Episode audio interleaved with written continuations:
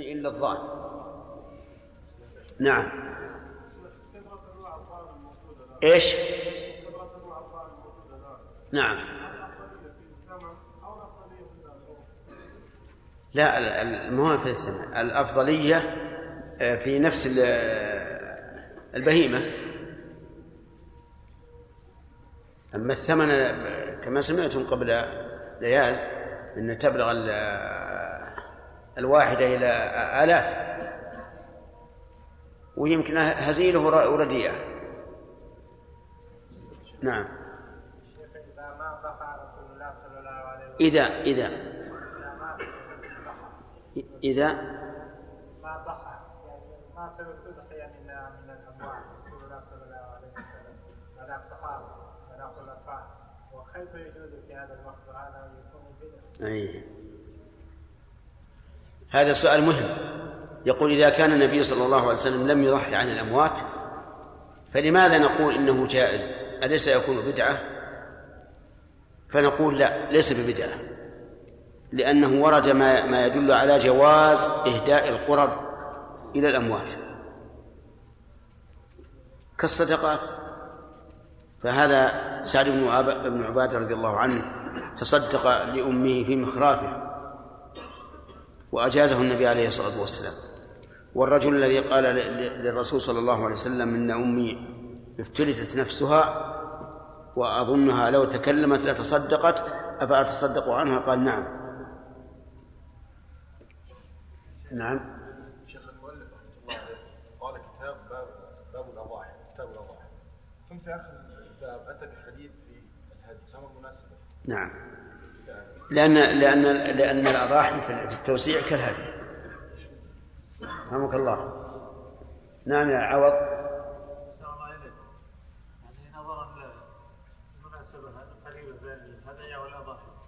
مثلا المرحر مثلا في مكة يوجد من ما يذبح له أضحية أو يذبح له هديا فيأتي مثلا يجعل شخص آخر يتولى سلخه فيأتي هذا الشخص إلى عند الشخص الذي أمره بأن يذبح يسأله ماذا أقسم منه وماذا أترك لك منه فبينما هو كذلك يأتوا مثلا صاحب البلدية ويأخذ الذبيحة وهي معلقة ويرمونها يعني تحت يعني في الأرض ولا يجي إلا وقد ألقاها يعني في الأرض يعني من تحت ما في إمكان أن يأخذها ففي هذه الحالة ليش ما في إمكان يأخذها؟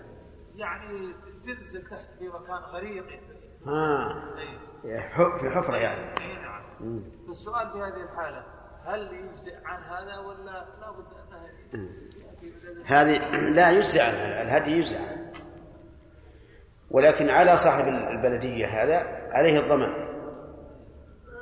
عليه الضمان. لأنه أتلف مالا محترما. نعم رجل عنده شاة أضحية وأخرى نذر فلما جاء يذبح الأضحية اشتبهت بالنذر نعم. ماذا؟ إذا وقعت أخبرناك إن شاء الله. نعم. هل ورد عن النبي صلى الله عليه وسلم أنه أكل من كبد الأضحية؟ لا أكل من أمر آه، من الهدي ولا من الأضحية؟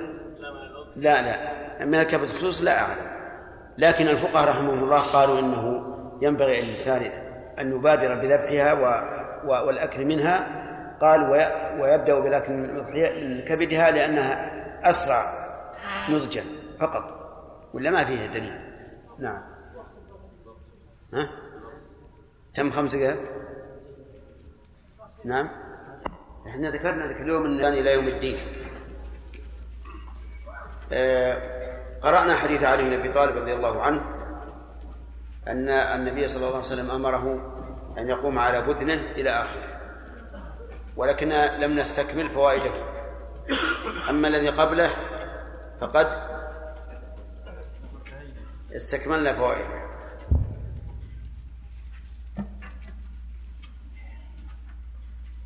يقول مطلوب من الأخ أحمد. أحمد الطالب الثاني. دليل على. على جواز التوكيل في توزيع لحوم الأضاحي لحوم الهدي والأضاحي. لقول علي أمرني أن أقوم على بدنه. وفيه أيضا منقبة علي بن أبي طالب رضي الله عنه حيث أنابه النبي صلى الله عليه وسلم أنابه أنابه منابه في هذا. وفي أيضا من فوائده كرم النبي صلى الله عليه وعلى آله وسلم حيث أمر أن تقسم اللحوم والجلود والجلال على المساكين. ومن فوائده أنه لا يجوز أن يعطى الجزار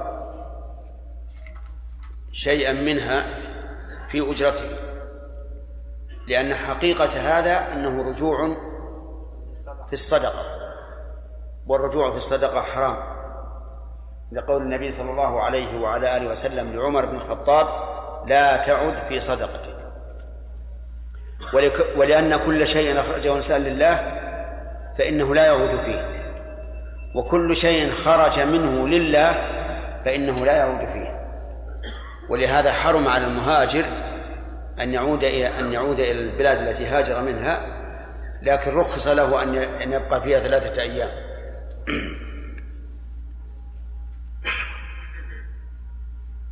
ومن فوائد هذا الحديث أيضا جواز جواز الأجرة في جزارة الهدي ويقاس عليه الأضاحي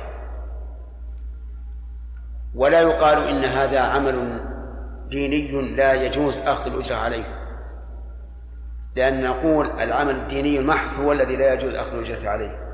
أما ما كان متعديا فإنه لا بأس بأخذ الأجرة عليه ولهذا كان الصواب أن من قرأ على مريض بآيات من القرآن أو علم أحدا القرآن فإنه يجوز أن يكون ذلك بأجرة.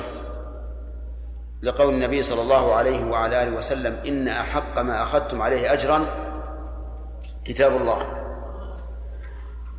قال وعن جابر بن عبد الله رضي الله عنه قال نحرنا مع رسول الله صلى الله عليه وسلم عام الحديبية البدنة عن سبعة والبقرة عن سبعة رواه مسلم.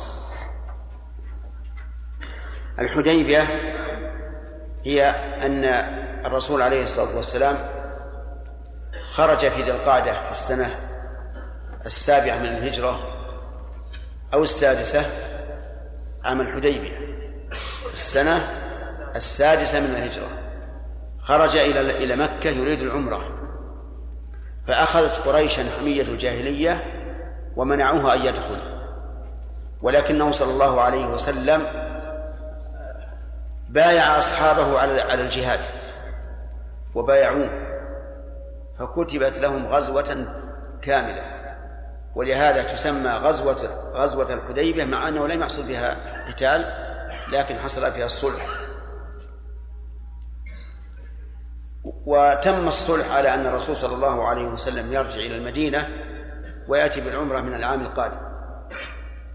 ثم أمر أصحابه عليه الصلاة والسلام أن ينحروا وأن يحلقوا. أما النحر فلقوله تعالى فإن أحصرتم فما استيسر من الهدي. وأما الحلق فلأنه نسك من أنساك العمرة وهم قادرون على فعله. فلهذا أمرهم النبي عليه الصلاة والسلام أن يحلقوا. وإن كان لم يذكر في القرآن فقد ثبت بالسنة. الصحابة رضي الله عنهم كان معهم هدي فأمرهم النبي عليه الصلاة والسلام أن أن يشترك السبعة في بدنة أو في بقرة. فاشتركوا. فكان السبعة يشتركون في بدنة وكان السبعة يشتركون في بقرة. فيستفاد من هذا الحديث جواز اشتراك عدد من المضحين أو المهدين في الهدي أو في الأضحية وأنه محدد بسبعة في البقرة وبسبعة في البدنة.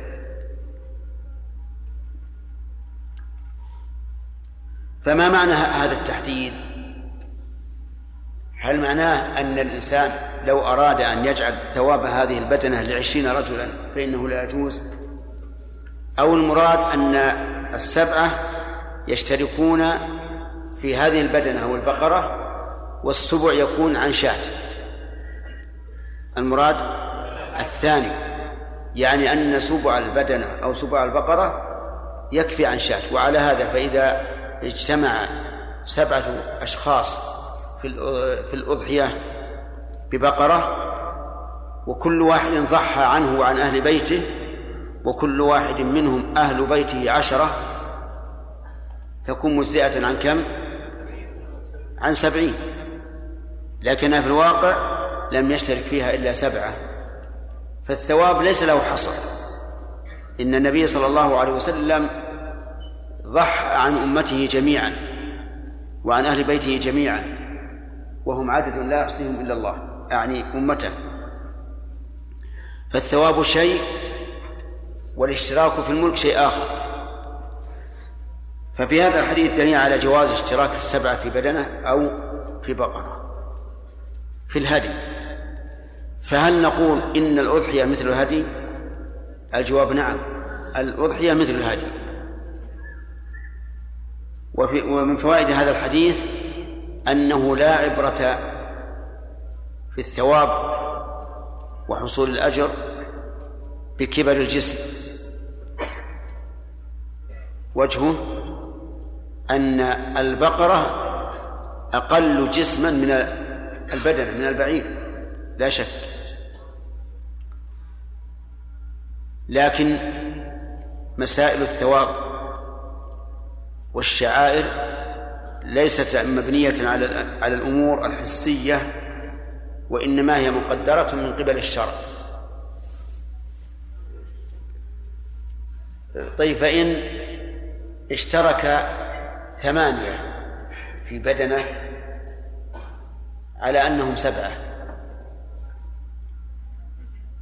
وبعد ذبحها ونحرها تبين أنهم ثمانية.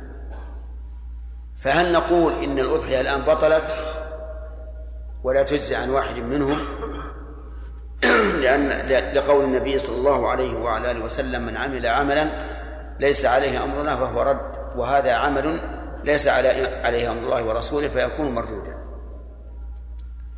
أو نقول يضحون بشاة. يضحون بشاة إما عن واحد منهم وإما عن الجميع. الثاني ولهذا قال العلماء رحمهم الله لو اشترك سبعة في بقرة أو بدنة فبانوا ثمانية فإنهم يذبحون شاة وتجزئ عن الجميع. وهذا أهون. لكن كما قلت لكم هل نقول الشاة هذه مشاعة بين بين الثمانية أو عن واحد منهم مبهم أي يحتمل هذا وهذا. ولهذا بعض العلماء قال إنها مشاعة وبعضهم قال إنها لواحد مبهم. و... والله تعالى يعلمه. ثم قال المؤلف رحمه الله باب العقيقة. جاء وقت الأسئلة؟ طيب خير إن شاء الله. لا حتى نكمل العقيدة. نراجع إن شاء الله بعد العقيدة. نعم. شيخ آه، ذكرت الحديث في في الأجرة على تلاوة القرآن. نعم. فهل جمع بين هذا الحديث وبين قول الله تبارك وتعالى ولا تشتروا بآياتي ثمنا قليلا أي نعم. يقول ما إذا قلنا بجواز أخذ الأجرة في تعليم القرآن فما الجمع بينه وبين قوله تعالى ولا تشتروا بآياتي ثمنا قليلا؟ الجمع بينهما أن كل واحدة منهما لها مورد. فالأول أن تعلم غيرك كتاب الله وهذا يحتاج إلى تعب وعمل. أما الثاني فالمعنى أن لا تأخذ الدنيا بالدين. بمعنى أن تفتي مثلا إنسانا على ما يريد في هواه لأجل الدنيا. كعلماء السوء مثلا وكالأحبار والرهبان من اليهود والنصارى الذين يفتون ليريدوا ليبقوا على ما هم عليه من الرئاسة. نعم انتهى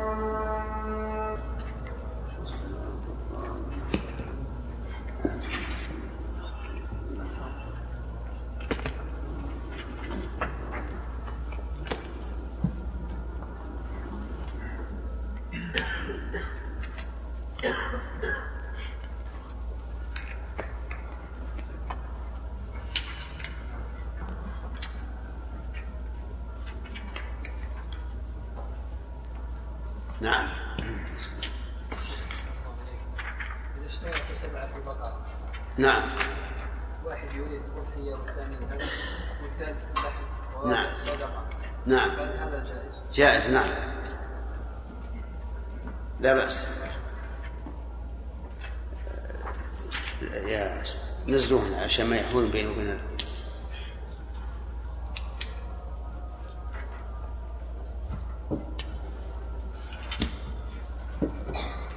نعم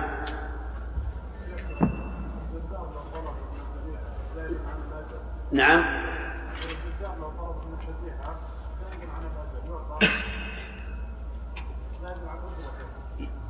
لا بأس ما دام زائد عن الأجرة فيعطى هدية إن كان غنيا ويعطى صدقة إن كان فقيرا. نعم.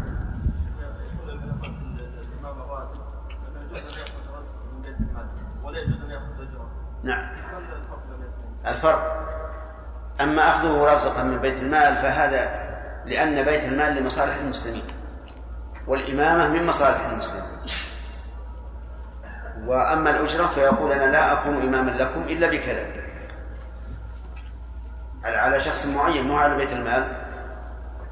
ولما سئل الإمام أحمد عن رجل قال لا أصلي بكم في رمضان إلا بكذا وكذا.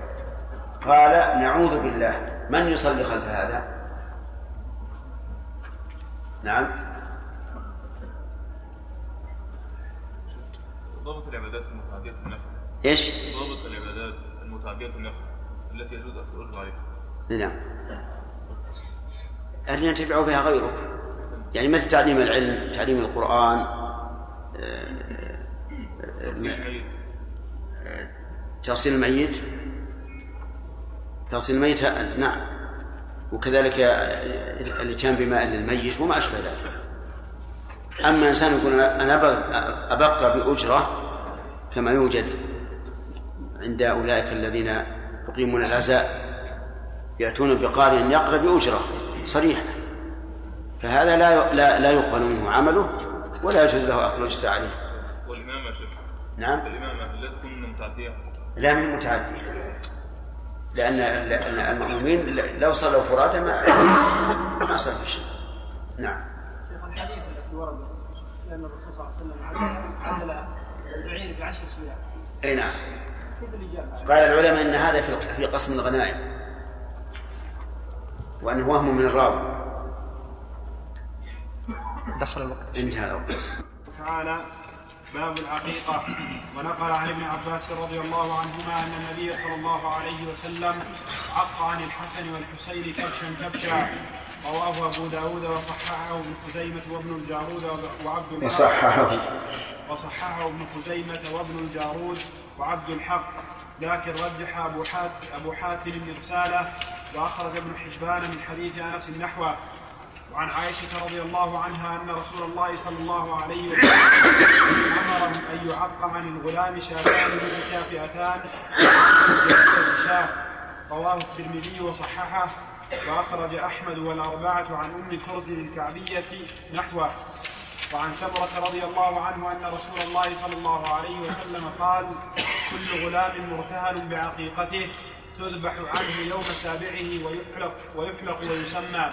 رواه أحمد والأربعة وصححه الترمذي.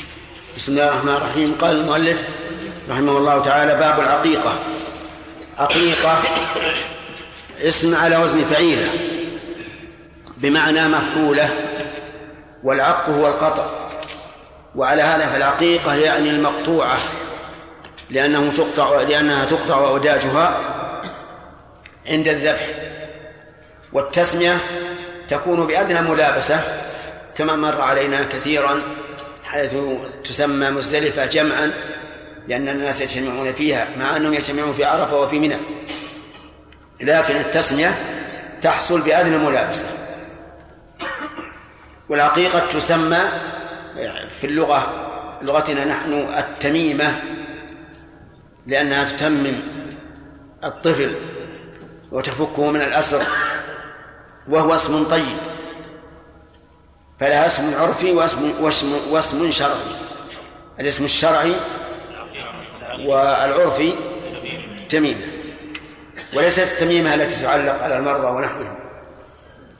وهي سنة لأنها ثبتت عن النبي صلى الله عليه وعلى آله وسلم بقوله وفعله. لكنها سنة مؤكدة. حتى أن حتى إن الإمام أحمد رحمه الله قال في رجل ليس عنده شيء قال يقترض ويعق أحب إلي أحيا سنة. وهذا الذي قاله الإمام أحمد يقيد بما إذا كان له وفاء كرجل له راتب يحل في آخر الشهر وعند ولادة طفله لم يكن عنده مال فيقترض لأنه يعلم أنه سوف يوفيه في آخر الشهر. أما أما الإنسان الذي ليس عنده شيء ولا يرجو شيئا ولا يرجو أن يوفيه فإنه لا لا يستقر. ثم ذكر المؤلف حديث ابن عباس رضي الله عنهما أن النبي صلى الله عليه وعلى آله وسلم عق عن الحسن والحسين كبشا كبشا. عق يعني ذبح. كبشا كبشا يعني لكل واحد منهما كبش. والحسن والحسين رضي الله عنهما صلتهما بالنبي صلى الله عليه وعلى آله وسلم أنهما سبطاه. أي ابنا بنته. فلذلك عق عنهما. ولأن النبي صلى الله عليه وعلى آله وسلم أولى بالمؤمنين من أنفسهم. ولأن مثل هذا الفعل يشرح صدر أهل الحسن والحسين. حيث عق عنهما رسول الله صلى الله عليه وعلى آله وسلم. ولهذا عق عنهما بهذه الوجوه الأربعة. وقول كبشا كبشا يعني لا بلا زيادة. فيستفاد من هذا الحديث أولا استحباب العقل عن عن الأبناء وكذلك عن البنات كما سيأتي. دليله فعل النبي صلى الله عليه وعلى آله وسلم. ويستفاد منه أيضا جواز الاقتصار على واحدة في عقيقة الذكر. لأن النبي صلى الله عليه وعلى آله وسلم عق عن الحسن والحسين كبشا كبشا. وقد روي أن فاطمة رضي الله عنها عقت عنهما أيضا. كبشا كبشا فيكون على هذا متمشيا على المشهور من أن العقيقة عن الذكر تكون اثنتين. ومن فوائد الحديث أنه لا يشترط في العقيقة أن يتولاها الأب. لأن النبي صلى الله عليه وسلم تولاها مع أن أباهما علي بن أبي طالب. ويستفاد منه جواز تصرف الفضول. يعني أن الإنسان لو فعل شيئا لشخص وأقره وأجازه فإنه يمضي على ما فعل. ووجه ذلك أنه ليس في الحديث أن النبي صلى الله عليه وعلى آله وسلم استأذن من علي بن أبي طالب رضي الله عنه. وهذا يقتضي أن الإنسان إذا عقد شخص وأجازه فإنه لا بأس بذلك. ومن فوائد هذا الحديث أن النبي صلى الله عليه وسلم عق عنهما كبشا كبشا ولم يذكر في الحديث ماذا صنع بهذا الكبش. هل تصدق به كله أو أكل منه وتصدق؟ أم ماذا؟ لكن العلماء قالوا ينبغي أن تطبخ العقيقة وتوزع مطبوخة أو يدعى إليها. على خلاف الأضحية. الأضحية لا لا توزع مطبوخة. توزع نية. أما هذه فتوزع مطبوخة. قال أهل العلم وينبغي أن تطبخ بحلو. تفاؤلا بحلاوة أخلاق الطفل. لكن في هذا نظر. أولا أنه إذا خلط الحلا مع اللحم فإنه لا يستساغ. ولا ولا يشتهيه الإنسان في الغالب. وثانيا أن مثل, هذه الأمور تحتاج إلى توقيف من الرسول عليه الصلاة والسلام. والصواب أنه يطبخ أن أن العقيقة تطبخ كما يطبخ كما يطبخ غيرها قال رواه أبو داود وصححه وابن وصححه ابن خزيمة وابن الجارود وعبد الحق لكن رجح أبو حاتم إرساله. والمرسل كما تعرفون من أقسام الضعيف لأنه سقط منه راوي. ولكن المرسل في الاصطلاح الخاص هو ما رفعه التابعي أو الصحابي الذي لم يسمع من الرسول صلى الله عليه وعلى آله وسلم. هذا المرسل الذي رفعه التابع أو الصحابي الذي لم يسمع من الرسول كمحمد بن أبي بكر رضي الله عنه. هذا هو المرسل الخاص. وقد يطلق علماء الحديث المرسل على ما لم يتصل إسناده مطلقا. وليس المرسل الخاص. وهذا يظهر بالتتبع. وأخرج ابن حبان من حديث من من حديث أنس نحوه. وعن عائشة رضي الله عنها أن رسول الله صلى الله عليه وسلم أمرهم أن يعق عن الغلام شاتان متكافئتان وعن الجارية شاة رواه الترمذي وصححه وأخرجه أحمد والأربعة عن أم كرز الكعبية نحوه. هذا فيه أمر. أمرهم أن يعقوا عن الغلام شاتين وعن الجارية شاة والأصل في الأمر أنه للوجوب ولكن سبق أن القول الراجح أنها ليست واجبة وأنها سنة وأن هذا أمر استحباب. وقول عن الغلام شاتان متكافئتان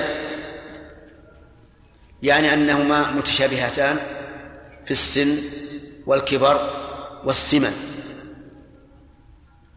والحكمة من ذلك لئلا تكون إحداهما أطيب والثانية يجعلها يجعلها تابعة للأولى ولا يهتم بها فلهذا ندب الشارع إلى أن تكون الشاتان إيش؟ متكافئتين لأنه لو عق بشاة جيدة ثم قال حصل المقصود والشاة الثانية تكون إيش؟ تبعا ولم ولم يتحرى فيها الجودة كما تحراها في الأولى ولذلك قال شاتان متكافئتان. أي متشابهتان. إيش؟ سنا وكبرا وسمنا. أما اللون فلا فليس بشرط. وكذلك أيضا الذكورة والأنوثة. ليس بشرط كما جاء ذلك في حديث آخر. مكافئتان نعم. إي نعم وهو كذلك. أنا انه متكافئتان مكافئتان. يعني يكافئ بعضهما بعضا. في هذا الحديث دليل على أن الأفضل في حق الغلام أن يعق عنه كم؟ بشاتين.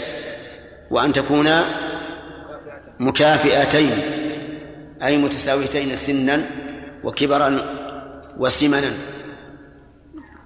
ومن فوائد هذا الحديث بيان مرتبة الذكور مع الإناث وأن مرتبة الإناث متأخرة لا تساوي الرجال وهذا أمر مشهود قدرا وشرعا يعني الاختلاف بين النساء والرجال مشهود قدرا وشرعا فالرجل أقوى وأصبر وأذكى وأعقل والمرأة ناقصة عقل ودين غير صابرة ولهذا لعن النبي صلى الله عليه وعلى آله وسلم النائحة والمستمعة ولم يلعن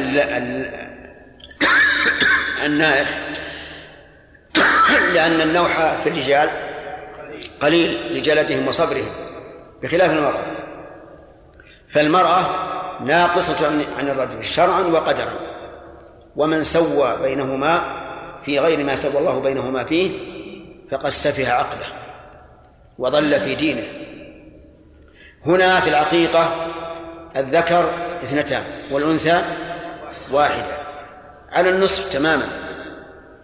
وهل هناك أشياء أخرى تكون فيه المرأة على النصف؟ نعم. منها عوض؟ منها الشهادة. الشهادة اصبر اصبر. الشهادة. فإن لم يكونا رجلين فرجل وامرأتان نعم. آدم. الميراث. يوصيكم الله في أولادكم للذكر مثل حظ الأنثيين. وإن كنا وإن كانوا إخوة رجالا ونساء فللذكر مثل حظ الأنثيين. هذه ثلاثة نعم. الدية. دية المرأة على النصف من دية الرجل. نعم. العتق. فإن عتق رجل واحد أفضل من عتق امرأتين. كما جاء ذلك في الحديث عن النبي صلى الله عليه وعلى آله وسلم. العطية. فإن الرجل إذا أراد أن يعدل بين أولاده يعطي الذكر مثل حظ الأنثيين. فهذه كلها وربما فاتنا بعض الشيء لكن هذه كلها تدل على أن هناك فرقا بين الذكور والإناث. وعن سمرة رضي الله عنه أن رسول الله صلى الله عليه وعلى آله وسلم قال كل غلام مرتهن بعقيقته. تذبح عنه يوم سابعه ويحلق ويسمى. رواه أحمد والأربعة وصححه الترمذي. هذا جمع بين عدة مسائل. كل غلام. وهل مثله الأنثى؟ نعم مثل الأنثى. مرتهن بعقيقته. المرتهن هو المأخوذ رهنا. المأخوذ رهنا والرهن هو الحبس. مثال ذلك رهنت عندي ساعة أخذت الساعة منك. فالساعة الآن مرتهنة ومرهونة. كل غلام مرتهن أي محبوس بعقيقته. وما معنى الحبس هنا؟ أو الارتهان. ذكر عن الإمام أحمد رحمه الله أن المراد أنه محبوس عن الشفاعة لوالديه. لأن الغلمان إذا ماتوا صاروا حجابا من النار لوالديهم. فيكون مرتهن أي محبوسا عن الشفاعة لوالديه. ولكن ابن القيم رحمه الله آه، نظر في هذا القول. وقال إن المعنى هو أنه محبوس عن مصالحه هو نفسه عن مصالحه. وأن للعقيقة تأثيرا في انطلاقة الطفل وانشراحه وسعة إدراكه. لأن العقيقة شكر لله عز وجل على هذا الولد والشكر للنعم يزيدها فيزداد هذا الغلام سواء ذكر أو أنثى أو أنثى يزداد آه، عقلا وفهما ويسلم من الشرور بسبب العقيق العقيقة. قال تذبح عنه يوم سابعه. تذبح الفعل هنا مبني لما لم يسمى فاعله ولا المجهول؟ الأول لما لم يسمى فاعل لأن قد يكون الفاعل معلوما لكن بنيناه للمجهول لإخفائه أو ما أشبه ذلك. فقوله تعالى خلق الإنسان ضعيفا الله يعلم من الخالق. فالفعل هنا مبني لما لم يسمى فاعله. وهذا هو الذي عبر به ابن مالك رحمه الله في الألفية. قال ما لم يسمى فاعله. طيب إذا تذبح مبني لما لم يسمى فاعله. فمن الذي يذبحها؟ الأصل أن المطالب بها الأب. هذا الأصل. فإن لم يكن أب فالجد من قبل الأب. فإن لم يكن فعلى من تلزمه نفقته. هكذا الترتيب. طيب وقوله يوم سابعه أي يوم سابع ولادته. وذلك بأن تذبح قبل يوم من ولادته. في اليوم الذي يسبق يوم ولادته. فمثلا إذا ولد يوم الأربعاء متى تذبح؟ يوم الثلاثاء وإذا ولد يوم الاثنين يوم الأحد. وهلم جرا. وإنما اختير أن تكون أن تذبح في هذا اليوم لأنه مرت عليه أيام الدهر كله. مرت عليه أيام الدهر. مثلا إذا قلنا إنه ولد يوم الأربعاء الأربعاء والخميس والجمعة والسبت والأحد والاثنين وإيش؟ والثلاثاء كل أيام الدهر مرت عليه. فيكون ذبحها في هذا اليوم تفاؤلا بطول عمره. وأن يبقى ما بقيت هذه الأيام. ومن المعلوم أن أن كل شيء له أجل لكن من باب التفاؤل. تذبح يوم السابع ويحلق من اللي يحلق الغلام. ما هو المولود؟ الغلام. يحلق رأسه. ويتصدق بوزنه ورقا أي فضة. ولكن لا بد أن يكون الحالق حاذقا. ما تأتي بأي إنسان لأن الرأس لين. ربما يجي إنسان فيه غشم فيحلقه ويفتر رأسه لكن اجعل الذي يحلقه رجلا عنده خبرة وتأني. فإن لم تجد فإن لم تجد وقلت أريد أن أتصدق بما أظنه على وزن الشعر من الورق أي من الفضة. يجزي أو لا؟ يجزي نعم. اتقوا الله ما استطعتم. ما دمت لم أجد من يحلقه وأنا لا أحسن حلقة. فلا حرج أن أقدر وزنه وأتصدق به. طيب و... ويحلق ويسمى يسمى متى؟ يوم السابع. يوم السابع. وظاهر الحديث أن أنه أن التسمية تؤخر إلى اليوم السابع حتى وإن كانت قد أعدت وهيئت. فإنها تؤخر إلى اليوم السابع. ولكن ثبت عن النبي صلى الله عليه وعلى آله وسلم أنه قال لأهله ولد لي الليلة ولد وسميته إبراهيم رضي الله عنه. فسماه حين ولادته. فما الجمع بين هذا وهذا؟ نقول الجمع بينهما أنه إذا كان الاسم مهيئا من قبل فالأفضل أن يسمى حين الولادة لئلا يمر عليه يوم من الدهر وليس له اسم. أما إذا كان الأهل يتشاورون في, في الاسم ولم يتهيأ لهم أن يسموا في أول ولادته فإنهم يؤخرونه إلى اليوم السابق ليتوافق مع العقيدة مع العقيقة. وقوله نعم يستفاد من هذا الحديث فوائد. أولا الحث على العقيقة. من أين تؤخذ؟ كل غلام مرتهن والحق والعقيقة تفكه تفك رهنة فيكون في هذا حث عليها. ثانيا من فوائده أن العقيقة يذبحها أي إنسان يقوم بها لكن يبدأ بالأولى فالأولى من الأولى؟ ثم الجد من قبله ثم الإخوان ثم من تلزمه نفقته. ومن فوائد هذا هذا الحديث أنه قد يكون في قوة فحواه أن الذي يباشر الذبح هو الذي يعق وهذا مشروط بما إذا كان عارفا بالذبح. أما إذا لم يكن عارفا فإنه لا يمكن أن يذبح بل يوكل من يذبح ويحضر. ومن فوائد هذا الحديث الإشارة إلى أنه ينبغي عند الذبح أن تقول هذه عقيقة فلان لقوله تذبح عنه فتنوي أنها عقيقة عن هذا الصبي أو عن هذه الطفلة.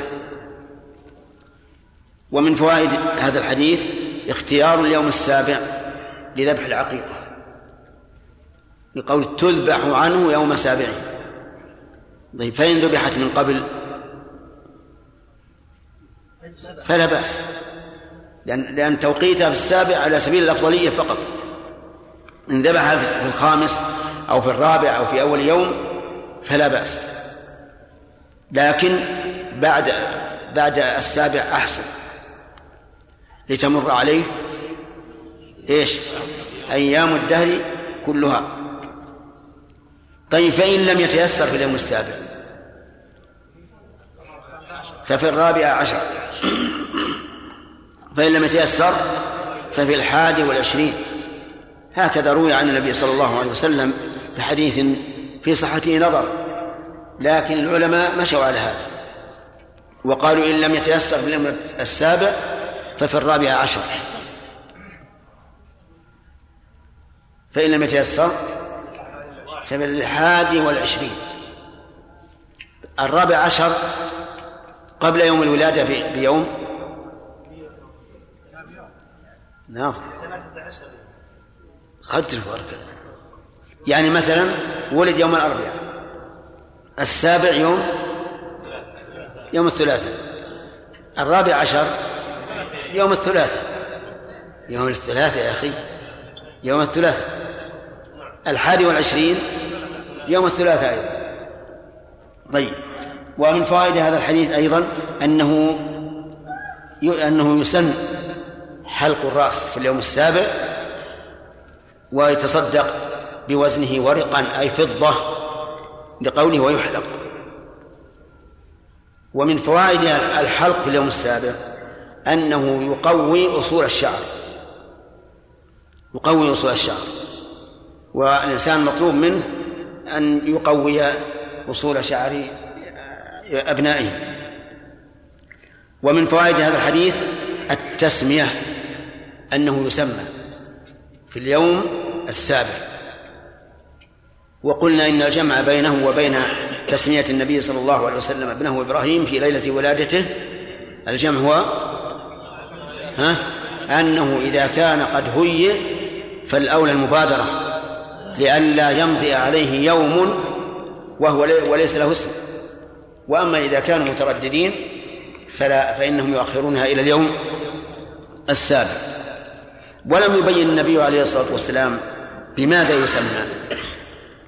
لكن قد ثبت عن الرسول عليه الصلاة والسلام أن أحب الأسماء إلى الله عبد الله وعبد الرحمن. أحب الأسماء إلى الله عبد الله وعبد الرحمن. وهل أحد يعدل عن ذلك إلى أسماء أخرى مع أن هذا مع أن هذين الاسمين هما المحبوبان إلى الله؟ أعتقد أن أحدا لا يفعل. ولذلك ينبغي لك أن تسمي ولدك بعبد الله. والثاني بعبد الرحمن لأنهما أحب الأسماء إلى الله عز وجل. وإذا كان أحب الأسماء إلى الله وسميت بهما طلبا لما يحبه الله عز وجل فقد يكون هذا من بركة الولد أن الله يبارك فيه ويجعله من عباد الله وعباد الرحمن. وأما ما يفعله الناس الآن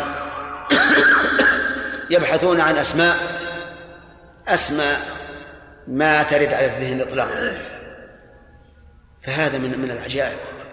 تجد الإنسان يمسك القرآن من أوله إلى آخره يدور يطلب كلمة يسمي بها. حتى قيل لي إن بعض الناس سمى ابنه نكتة سماه نكتة. إيش؟ قال في القرآن فأرسل معنا أخانا نكتل. يعني وكانه جعل نكتل نكتلا. نعم منصوب. هذا عجائب. يعني وأكثر ما يكون هذا في النساء. تجد الناس يتعبون في تسمية المرأة. مع أن الأسماء الكثيرة الخفيفة الطيبة موجودة بكثرة. لكن تجده ياخذ الإصابة في تمييز الصحابة يمسك أسماء النساء من أوله إلى آخره عله يجد اسما يختار. وهذا طيب لا بأس. يعني نحن لا ننكر على هذا لكن ننكر على من يتخذ أسماء اليهود والنصارى والأوروبيين يسمي بها أولاده. فإن هذا خطأ خطأ عظيم وضعف في الشخصية. قال النبي عليه الصلاة والسلام أصدق الأسماء حارث وهمام. كيف حارث وهمام؟ لأن كل إنسان له همة. كل إنسان حارث عامل. يا أيها الإنسان انك كادح إلى ربك كدحا فملاقيه. فهذا أصدقه. لكن أنا لا أختار أصدقها ويمكنني وأنا يمكنني ان أن أحصل على أحب الأسماء إلى الله. بل أختار أحب الأسماء إلى الله عز وجل. ولا بد في الاسم من أن يعبد لله إذا عبد. فلا يجوز أن يعبد لغير الله. قال ابن حزم رحمه الله اتفقوا على تحريم كل اسم معبد لله لغير الله حاشا عبد المطلب. وإنما استثنى هذا لأن النبي صلى الله عليه وسلم قال أنا ابن عبد المطلب في غزوة حنين أنا النبي لا كذب. يعني وظاهر كلام ابن حزم أن الإنسان لو سمى ابنه بعبد المطلب لم يخرج عن إجماع المسلمين ولكن الصواب أن الرسول عليه الصلاة والسلام لم ينشئ اسم عبد المطلب وإنما أخبر أخبر بأنه ابن عبد المطلب وعبد المطلب انتهى وسمي وعرف بهذا. وعلى هذا فلو كان لك جد اسمه عبد الرسول. تقول أنا فلان ابن فلان ابن عبد الرسول. في شيء هذا؟ لا. ليش؟ لأن هذا خبر وليس إنشاء. أما أن تسمي ابنك عبد الرسول فهذا لا يجوز لأن هذا نوع من الشرك. كل اسم معبد لغير الله فإنه محرم. بالإجماع واستثناء عبد المطلب لا وجه له لأن لأنه لو أنشأ اسم عبد المطلب لكان حراما. وأما الخبر عن عن جد له اسمه عبد المطلب فهذا لا بأس به.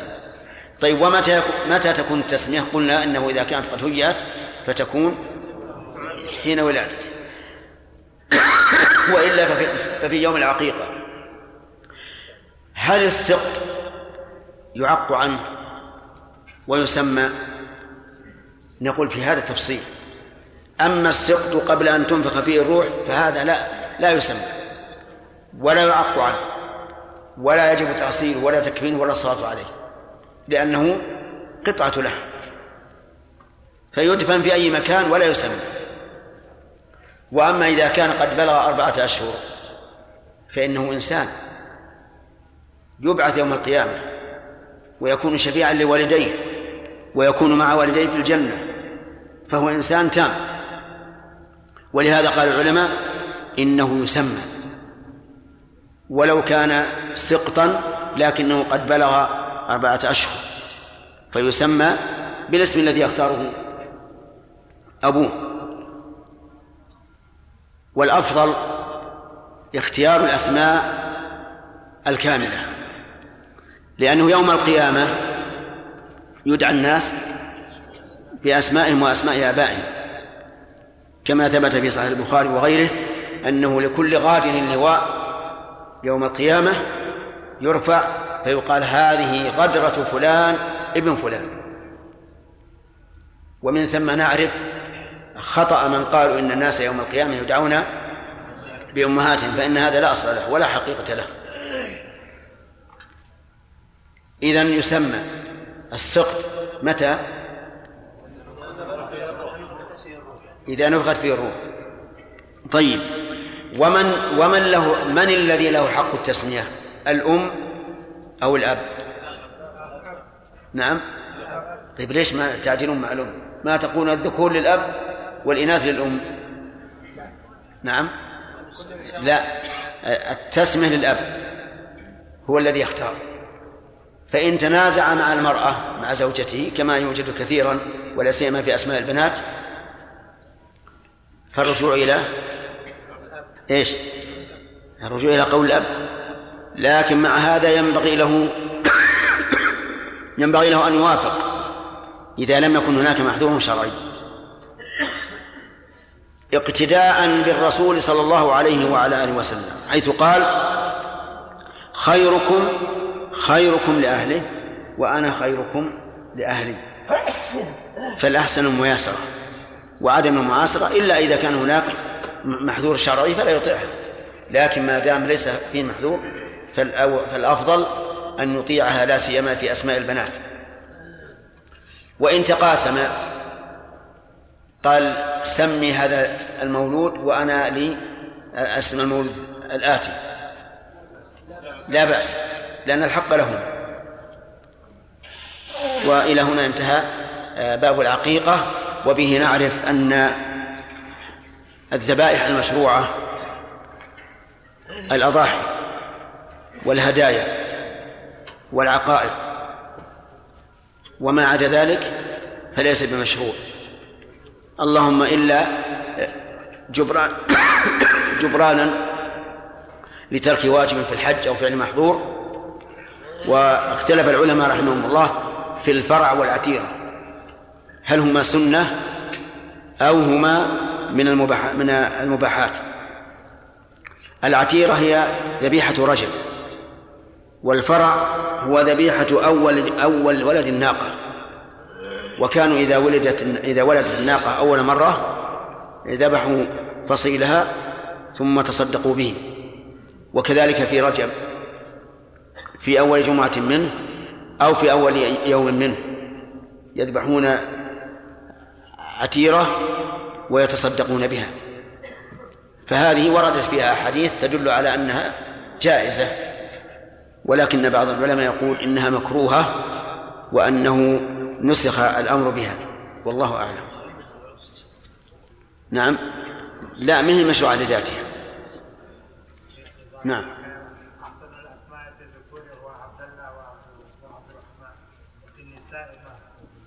ما ورد ما أعلم أنه ورد في هذا الحديث لكن لو قيل فاطمة فاطمة سيدة نساء أهل الجنة.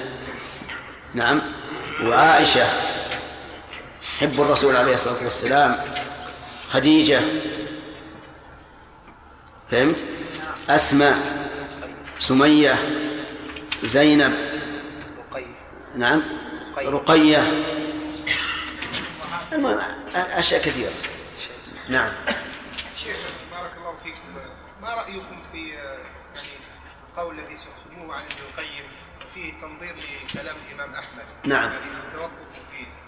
الشيخ ما رأيكم لو قلنا أن كلام الإمام أحمد هو الأولى؟ يعني لماذا؟ لأن الرجل الذي لم يعف عن ولده فكأنه هو الذي يعني إذا كان معه مال وكذا فيجازى بكونه شهادة ابنه. أما لو قلنا بكلام ابن القيم وأنه يعني يكون هذا الطفل يحبس عن الانطلاق إلى نشاطه وكذا وكذا فالولد هنا لا لا تزر وازرة وزر ليس بيده. يعني. نعم. لم يعني لم يفعل ما كان يستطيع ان لا هذا هذا المراد به حث حث الآباء على ذلك. مثل ما قال لو أن أحدكم إذا أتى أهله قال اللهم جنبنا بسم الله اللهم جنبنا الشيطان وجنب الشيطان ما رزقتنا فانه ان يقدر بينهما ولد لم يضره الشيطان. لأن اللفظ لا يساعد ما قال الإمام أحمد. مرتهن. مرتهن بعقيقته. عمن ما في الحديث بيان. نعم؟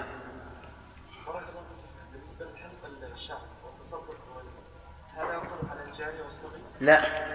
حلق الشعر للغلام فقط. الجاريه لا يحلق شعرها نعم وجد من الصحابه من لم يسمى بعبد الله وبعبد الرحمن نعم. هذا يدل على عدم الاستحباب لأنه لو كان مستحب لما تركوه لا قد يترك الإنسان المستحب لسبب من الأسباب. والرسول عليه الصلاة والسلام سمى المنذر. أمر بعض أصحابه أن يسمي ولده المنذر. نعم. سليم.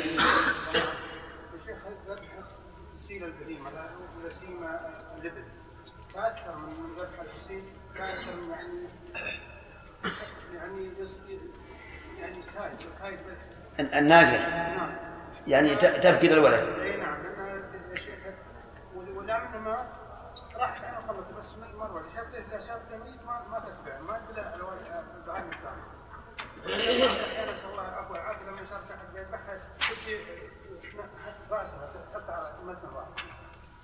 تبي تقتله تحطه على متن واحد تبي تقتله لا الرجال مثلا بس تطرح راسه هي على على كتف الرجل. نعم علشان إيش؟ منها صارت ملحه عيالها تشيب تشيب راسها سبحان الله. أيوه الله أكبر. الله أكبر. نعم. فيها يعني من غير من غير ولا ولا والله لا شك ان إن بقاءه حتى تر- ترضعه وتفطمه أحسن حتى للحم أيضا. نعم هل يشترط في العقيقة أن تكون من بهيمة الأنعام؟ نعم. إذا عجز أن يذبح غيرها؟ ماذا تريد أن تذبح؟ لا أريد بعض الناس فعلا يذبحون أقول ماذا تريد أن تذبح؟ علمني بعضهم يذبحون طيور أرنب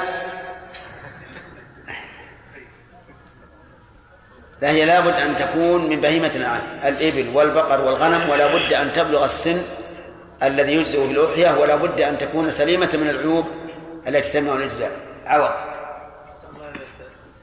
بالنسبة لتصدق وزن الشعر هل هذا يفهم من دليل آخر لأنه لم يرد هنا في الحديث اي من دين الآخر نعم من دين الآخر نعم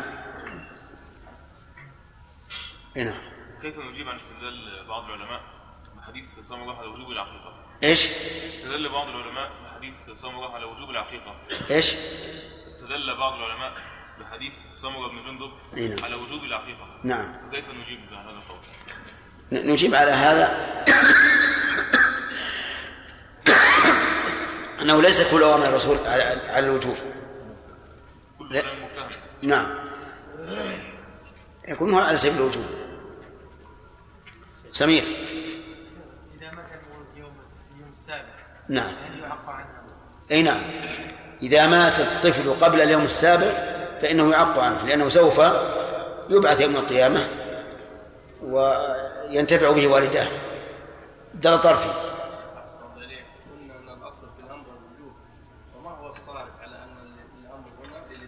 نعم. هذا اللي سأل عنه عباس. الصارف يقولون ما كل أوامر الرسول الوجوب بدليل إنه قال يحلق ويسمى وليس هذا على سبيل الوجوب. نعم.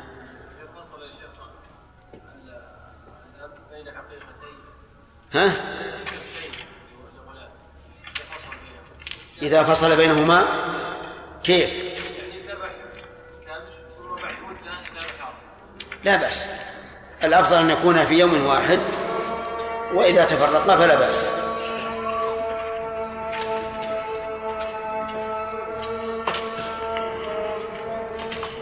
اللهم رب هذه الدعوة التامة.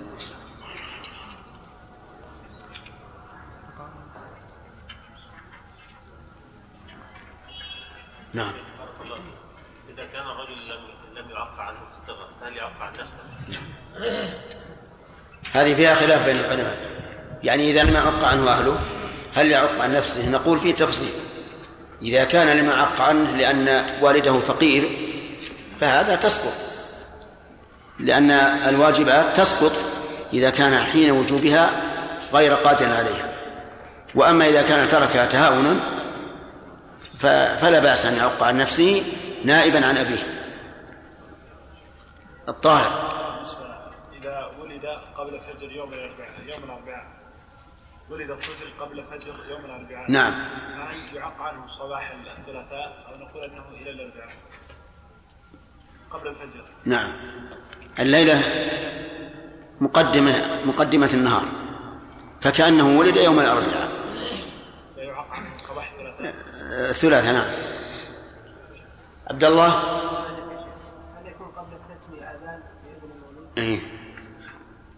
الأذان إنما يكون إذا ولد حين ولادته. يؤذن في أذنه اليمنى. والحكمة من ذلك أن يكون أول ما يطرق سمعه هو الأذان. تكبير الله والشهادة له بالتوحيد ولنبيه بالرسالة والدعوة للصلاة والدعوة للفلاح. وأما إذا فات هذا الوقت فهي سنة فات محلها. نعم. شيخ بارك الله فيك. وجه سليمه من العيوب مع أن الحاجة إلى بيان هذا مخالفه في بعض نعم. وجه ذلك أنه أن الرسول صلى الله عليه وسلم أخبر أن الضحايا لا تجد فيها أربع. أربع لا تجد إلا ضاحي والعقيقة مثلها لانها ذبيحه يتقرب بها إلى الله عز وجل. وقال لا تذبحوا إلا مسنة إلا أن تعسر عليكم فتذبحوا جلالة من الضأن وهذا عام. يلا تعالى أما الآن نبدأ في كتاب الايمان والنذور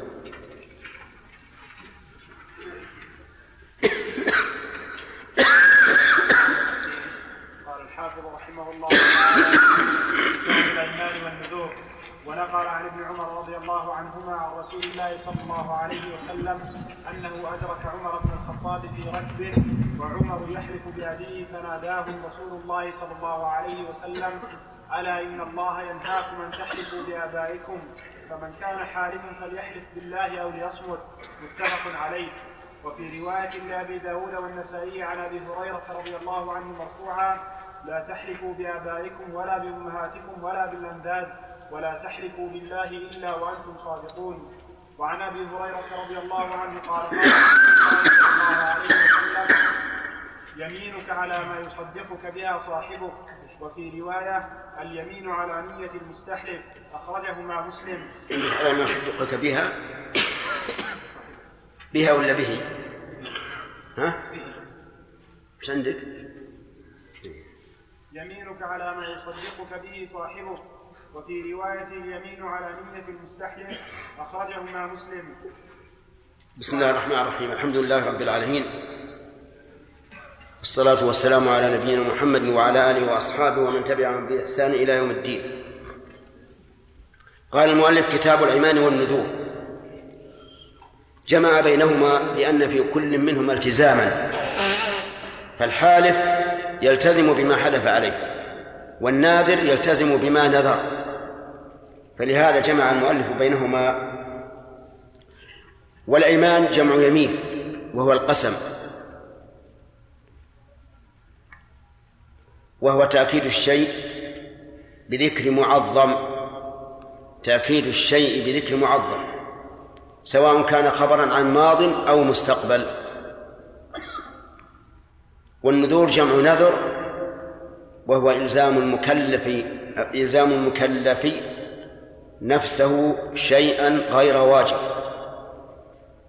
سواء كان عبادة أو غير عبادة.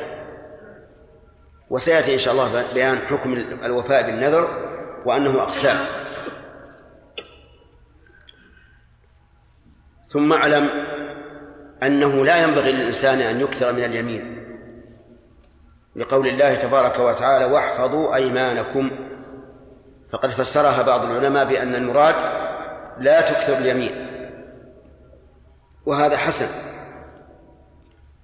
ولأن إكثار اليمين فيه شيء من التهاون المحلوف به.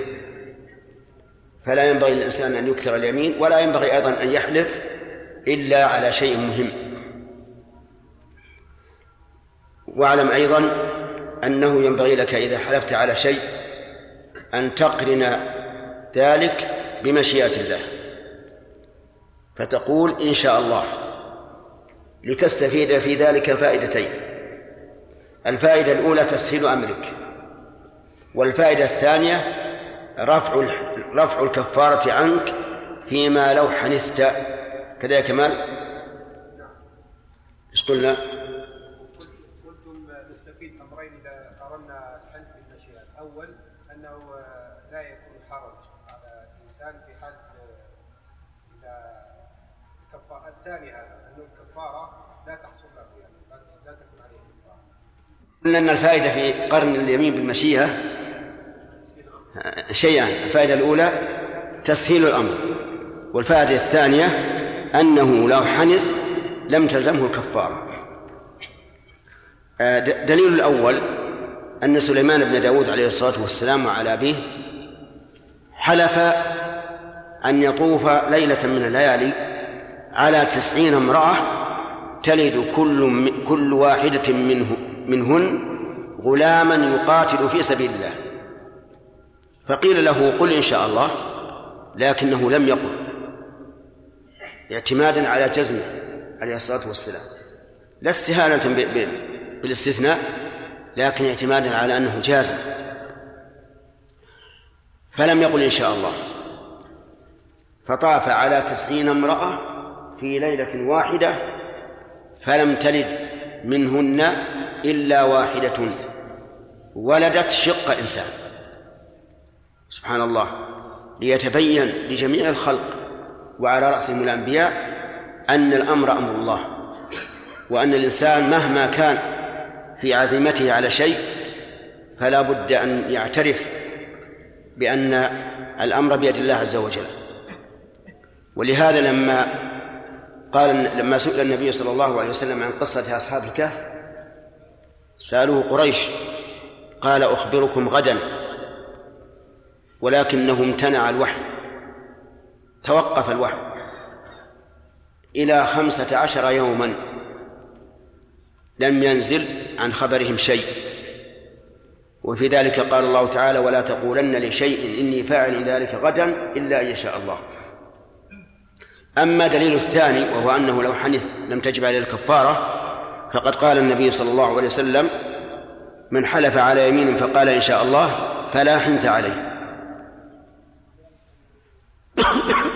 لذلك ينبغي أن يقرن الإنسان يمينه دائما بإن شاء الله أو إلا أن يشاء الله ولا يكفي أن أن يمرها على قلبه بل لا بد من النطق بها وهل يشترط أن تكون مساوية لليمين في الجهر والإصرار؟ أو يجوز أن يسر بها ولو كان اليمين جهرا؟ الجواب الثاني يجوز أن يذكرها سرا ولو كانت اليمين جهرا. وهذه أيضا هذه تنفع الإنسان فيما إذا حلف على شخص. ولم يقل إن شاء الله جهرا فإن مخاطبه يظن أنه لم يستثني فلا يحنثه. لكن لو استثنى قال له المخاطب أستثنيت الآن فلا حنث عليك وأنا لن أفعل. كذلك أيضا من من مباحث هذا الباب أن أن اليمين أو الحلف بغير الله محرم وسيأتي إن شاء الله في الحديث الذي بعده. وستأتي إن شاء الله الكفارة فيما أظن في المستقبل. قد ذكرها المؤلف ولا لا؟ ما ذكر. الكفارة لا تجب إلا بشروط. الشرط الأول أن تكون اليمين منعقدة. أن تكون اليمين منعقدة. وهي أي اليمين المنعقدة المنعقدة التي قصد عقدها على مستقبل ممكن. هذه هذه اليمين المنعقدة. قصد عقدها على أمر مستقبل ممكن. فإن لم يقصد عقدها لم تكن منعقدة وليس عليه كفارة. لكن إن كان صادقا فقد بر وإن كان كاذبا فعليه إثم الكاذبين. لكنه يتضاعف عليه الإثم لأنه قرن كذبه باليمين بالله. وهل هذه يمين الغموس؟ قيل إنها يمين الغموس وقيل لا.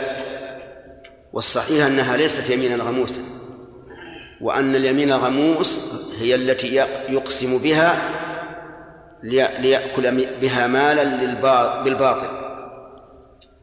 وأما هذه فهو كاذب عليه إثم الكاذبين مع مضاعفة الإثم عليه لكونه حلف وأقسم.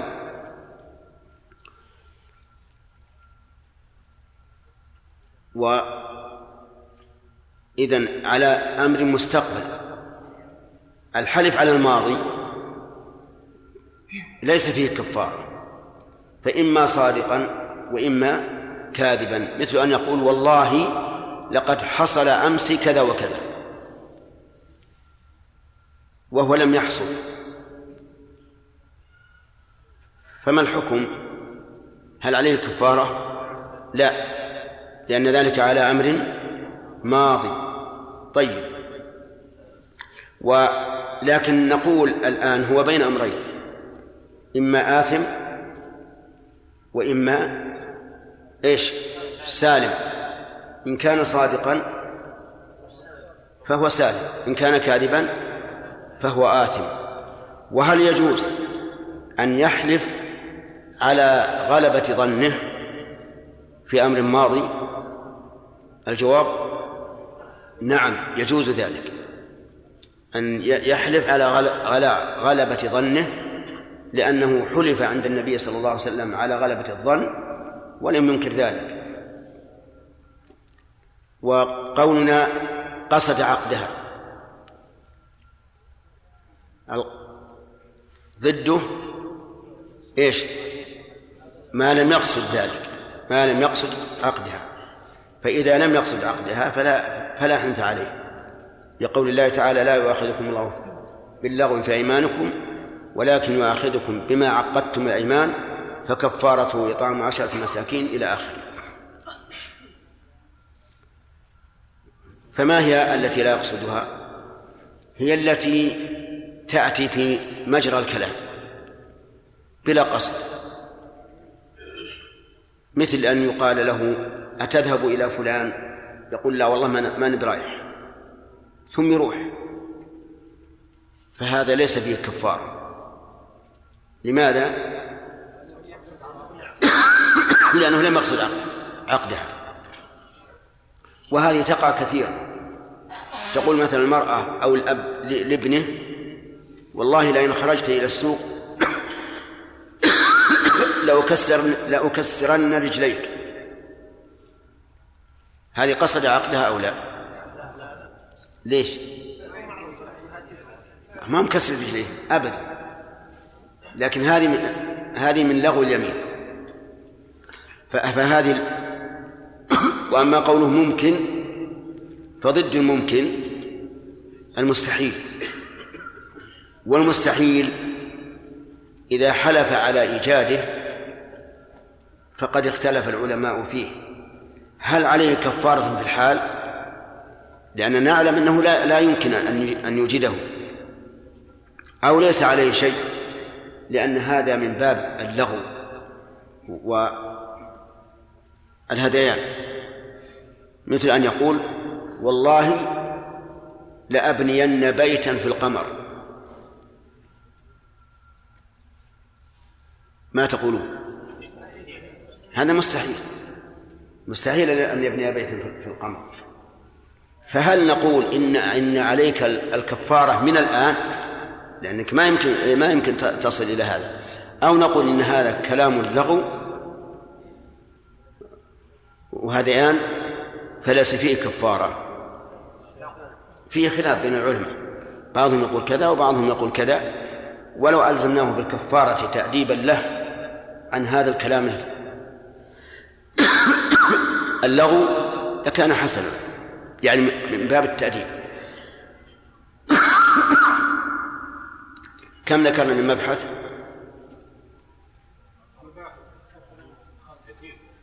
لا ما هو كثير. الروسي. أولا أن لا يكثر الإيمان وثانيا أن يقرنه بالمشيئة وثالثا اليمين الذي تجب فيه الكفارة. هذه ثلاث مباحث رئيسية ننتقل إلى النذور إن شاء الله بعد أن نصل إلى حديثها.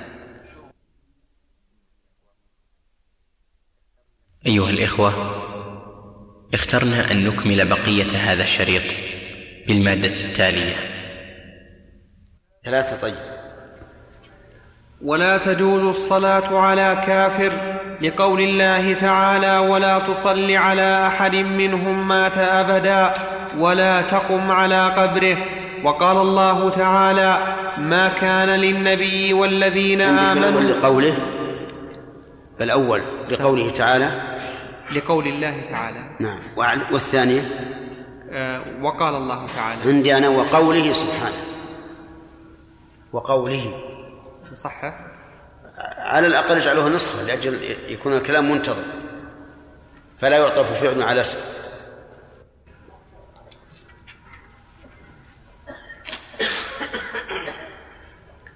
وقوله سبحانه ما كان للنبي والذين آمنوا أن يستغفروا للمشركين ولو كانوا أولي قربى ومن حكمنا بكفره من أهل البدع لم يصل عليه.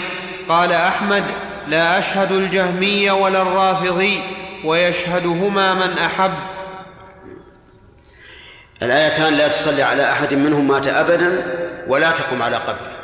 هؤلاء هذه في المنافقين. فمن علم نفاقه فإنه لا يجوز للمسلمين أن يصلوا عليه ولا أن يدفنوه مع المسلمين ولا أن يقوموا على قبره بالاستغفار له بعد الدفن.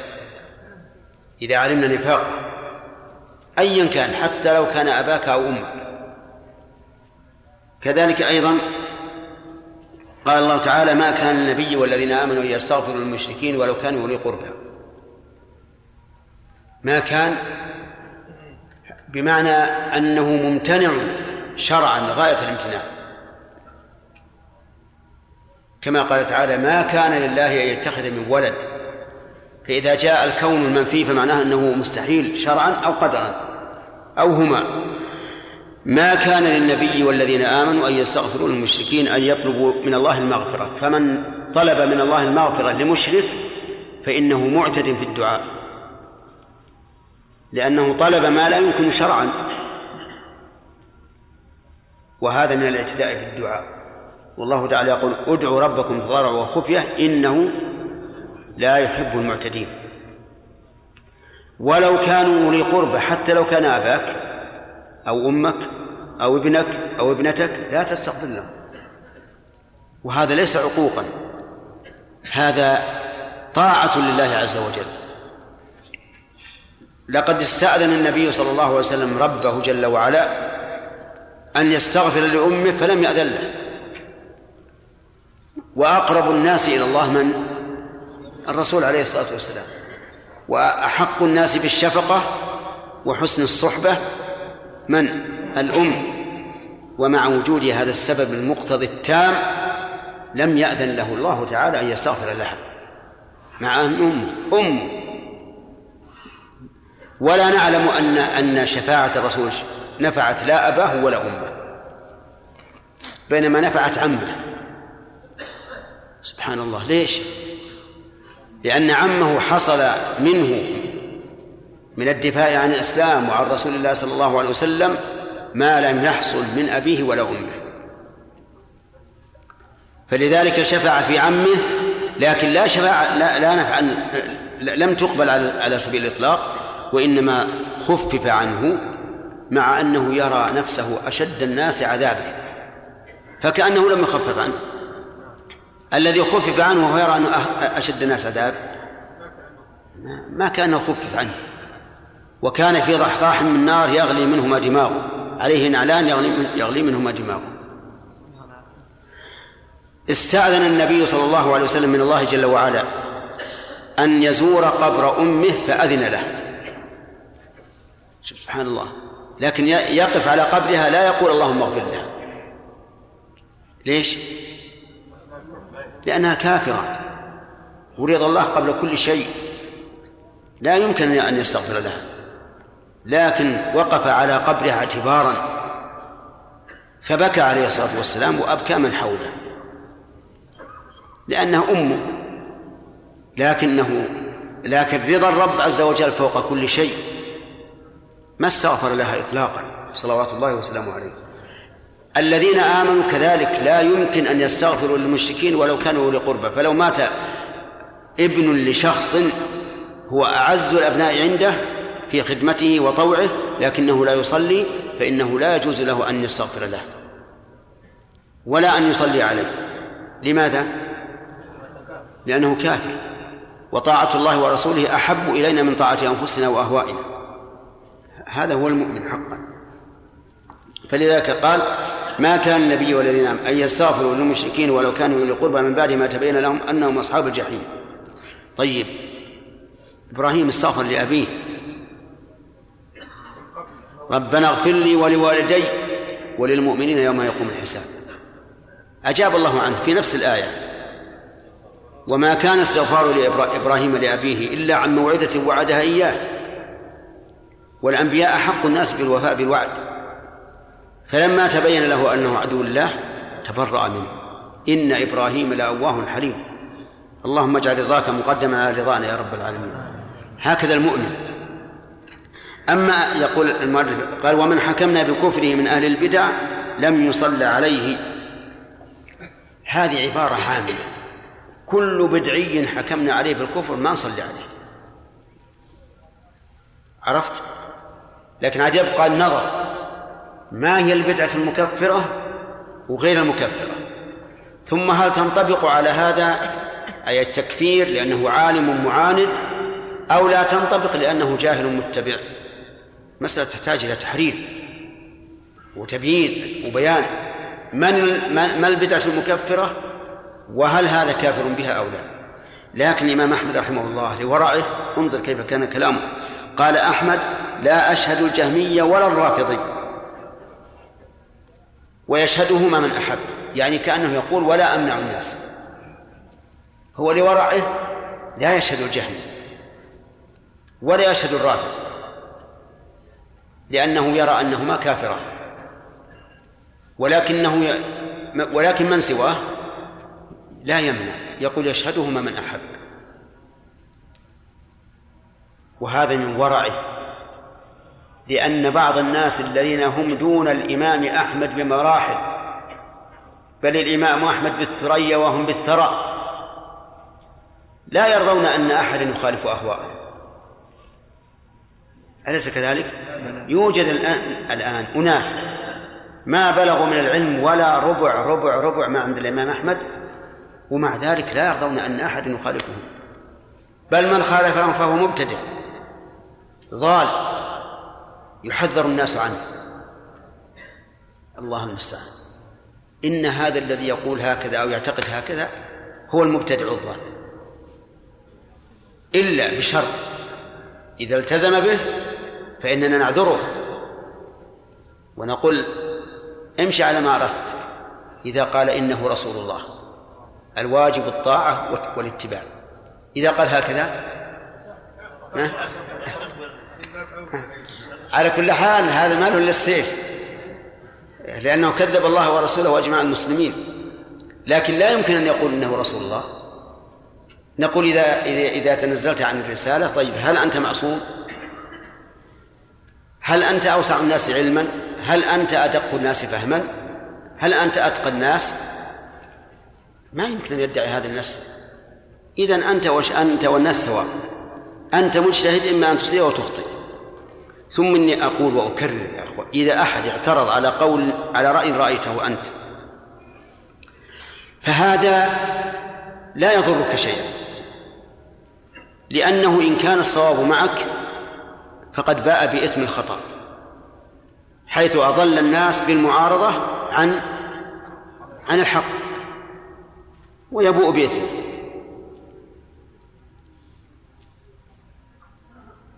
إني أريد أن تبوء بإثمي وإثمك. وإن كان الخطأ فيك منك كان الخطأ منك فاحمد الله أن الله يسأل للأمة الإسلامية من يمنع الخطأ عنها. يمنع الخطأ عنها أما كون الإنسان إذا عارضه أحد قال هذا مخطي هذا ضال هذا مبتدع هذا فيه هذا غلط. فالإنسان الذي يريد الحق حقا لا يهتم ولا يعني في من رد عليه أو في من عارضه يقول الحمد لله إن كان الحق معي فقد باء بالإثم وإن كان الحق معه فقد سلمت أنا. بدل ما يتبعني مئة ألف مثلا إذا أحد رد علي يتبعني كم؟ خمسين ألف أو أقل. ما يضر. أنا الآن بدل ما أبوه بإثم مئة ألف أسلم من من خمسين ألفا لكن أين العقل الذي يتمكن الإنسان به من الحكم هذا؟ بعض الناس إذا رد عليه أحد أعوذ بالله انتفخ.